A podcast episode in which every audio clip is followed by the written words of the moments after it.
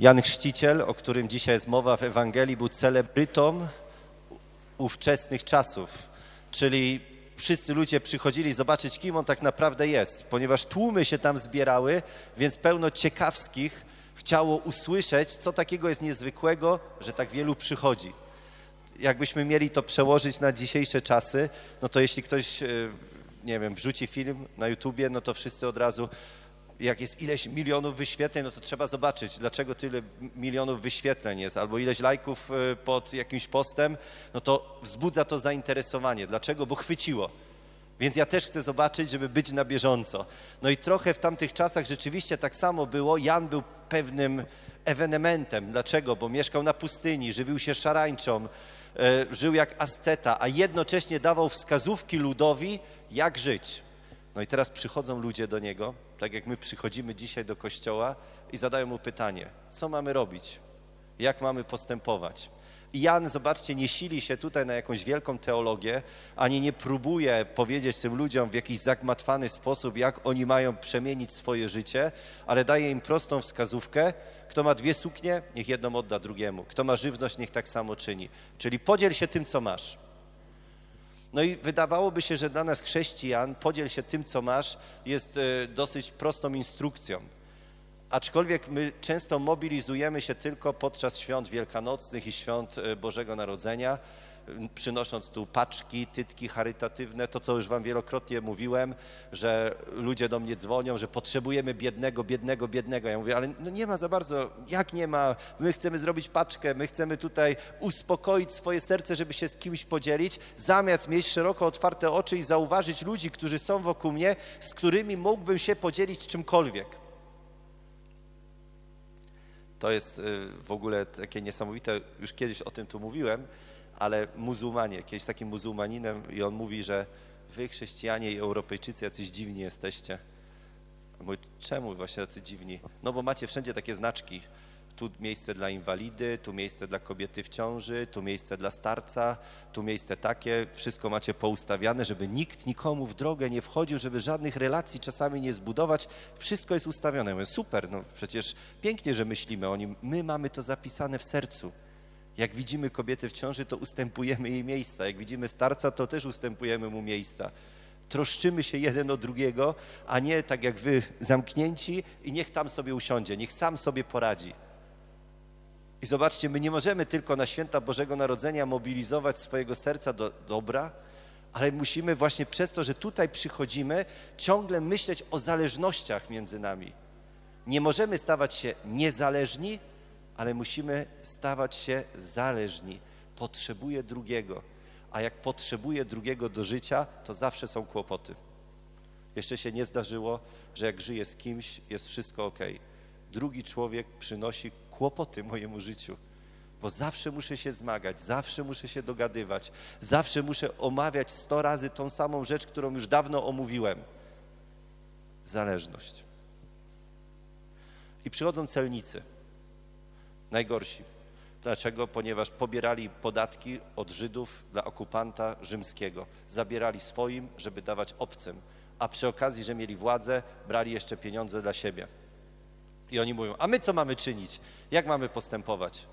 No poprzestawajcie tylko na tym, co wam wyznaczono. Nie, nie bierzcie nic więcej. No i przychodzą żołnierze, kolejna grupa, która ma władzę, która pilnuje porządku, która ma prawo, którzy mogą wykorzystywać tę swoją pozycję do tego, żeby gnębić drugiego człowieka. A my co mamy robić? Nie gnębcie, nie niszczcie drugiego człowieka, poprzestawajcie tylko na własnym żołdzie.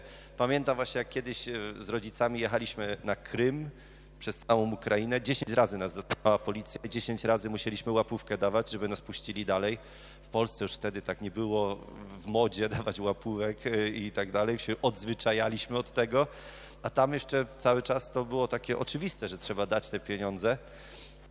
Właśnie ojciec tam mi dał naukę, mówi, widzisz, policjanci mają słabe pensje tutaj, bo państwo nie stać na to, żeby dawać y, im pensje. Więc pozwalają na to, żeby gnębili ludzi, żeby uzupełnić sobie tą pensję, żeby jakiś względny porządek w tym kraju był i żeby oni coś tutaj pilnowali. I trochę tak samo było tam. Przecież Rzymianom nie zależało na tym, żeby troszczyć się o Izraelitów. Oni byli okupantami. Dlatego pozwalali na to, żeby raczej naród był gnębiony. I Jan wzywa tych żołnierzy i celników do nawrócenia. Poprzestań na tym, co masz, na tym, co posiadasz. Spróbuj nie wykorzystywać swojej pozycji do tego, żeby dominować nad drugim, żeby go niszczyć, żeby go wykorzystywać, ale i też tak samo zobaczcie, Jezus, Jan nie mówi do, do nich, że oddajcie to, co macie i pozbądźcie się tego wszystkiego. Tylko mówi, poprzestań na tym, co masz, bo są ci pieniądze potrzebne do życia. Jest ci potrzebna to praca, którą wykonujesz do tego, żebyś spełniał wszystko to, co chcesz, jak chcesz żyć i w jaki sposób chcesz realizować siebie. No i zobaczcie, wszyscy są w napięciu, ponieważ tłumy falujące przychodzą do tego Jana, on daje im nauki, on pozwala im zrozumieć rzeczywistość, czyli kreuje nową rzeczywistość, bardziej sprawiedliwą, piękniejszą, gdzie wszyscy żyją w harmonii, więc czekają i w sercu sobie myślą, to jest pewnie Mesjasz, bo ten Mesjasz miał zaprowadzić nowy porządek społeczny, miał nas uwolnić od okupanta, miał spowodować, że nasze życie stanie się lepsze. I Jan się śmieje z nich i mówi, słuchajcie, no przecież ja was chrzczę tylko wodą. Jestem nikim. Dotyczy to wszystko, o czym mówię, zewnętrznej formy naszego życia. To są jakieś przykazania, zasady życia społecznego. Ja leję was tą wodą, żebyście zrozumieli, że możecie obmyć się z tego wszystkiego, co jest grzeszne i możecie zacząć żyć zupełnie inaczej. Ale po mnie idzie mocniejszy ode mnie, ten, który ma siłę, ten, któremu ja nie jestem godzien rozwiązać rzemyka o sandałów. Dlaczego?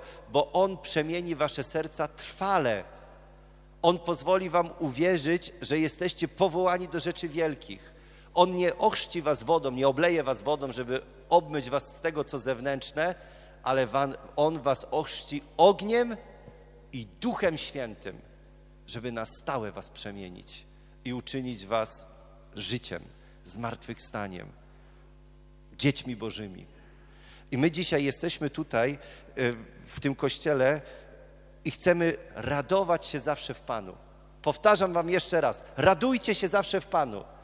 Czyli cieszcie się z tego, co Pan Tobie ofiarował. Nie, spróbuj, nie próbuj szukać jakichś takich rozwiązań, które są tymczasowe, które w jakiś sposób mają sprawić, że Ty dzisiaj poczujesz się lepiej, ale zaakceptuj samego siebie takim, jakim jesteś dzisiaj. Uwierz, że Jezus Cię kocha. Uwierz, że Jezus Cię stworzył właśnie takim i że potrzebujesz drugiego do tego, żeby żyć. Potrzebujesz przyjaciół, potrzebujesz wspólnoty. I boimy się tego, do tego przyznać, że potrzebujemy drugiego bo wolimy sobie stwarzać właśnie przestrzeń niezależności, bo boimy się kolejnego ciosu, kolejnej krzywdy, że po raz kolejny się zakocham i może to się nie spełni, jak byśmy tego chcieli, że będę cierpiał, będę czuł jakieś zranienia.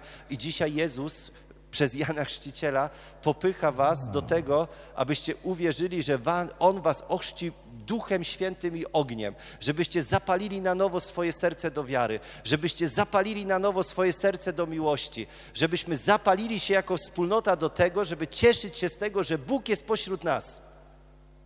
I że dzięki Niemu możemy żyć z drugim, który jest dla nas trudny, ale możemy go kochać i możemy to sobie powiedzieć, że jesteśmy dla siebie ważni i że tęsknimy za sobą.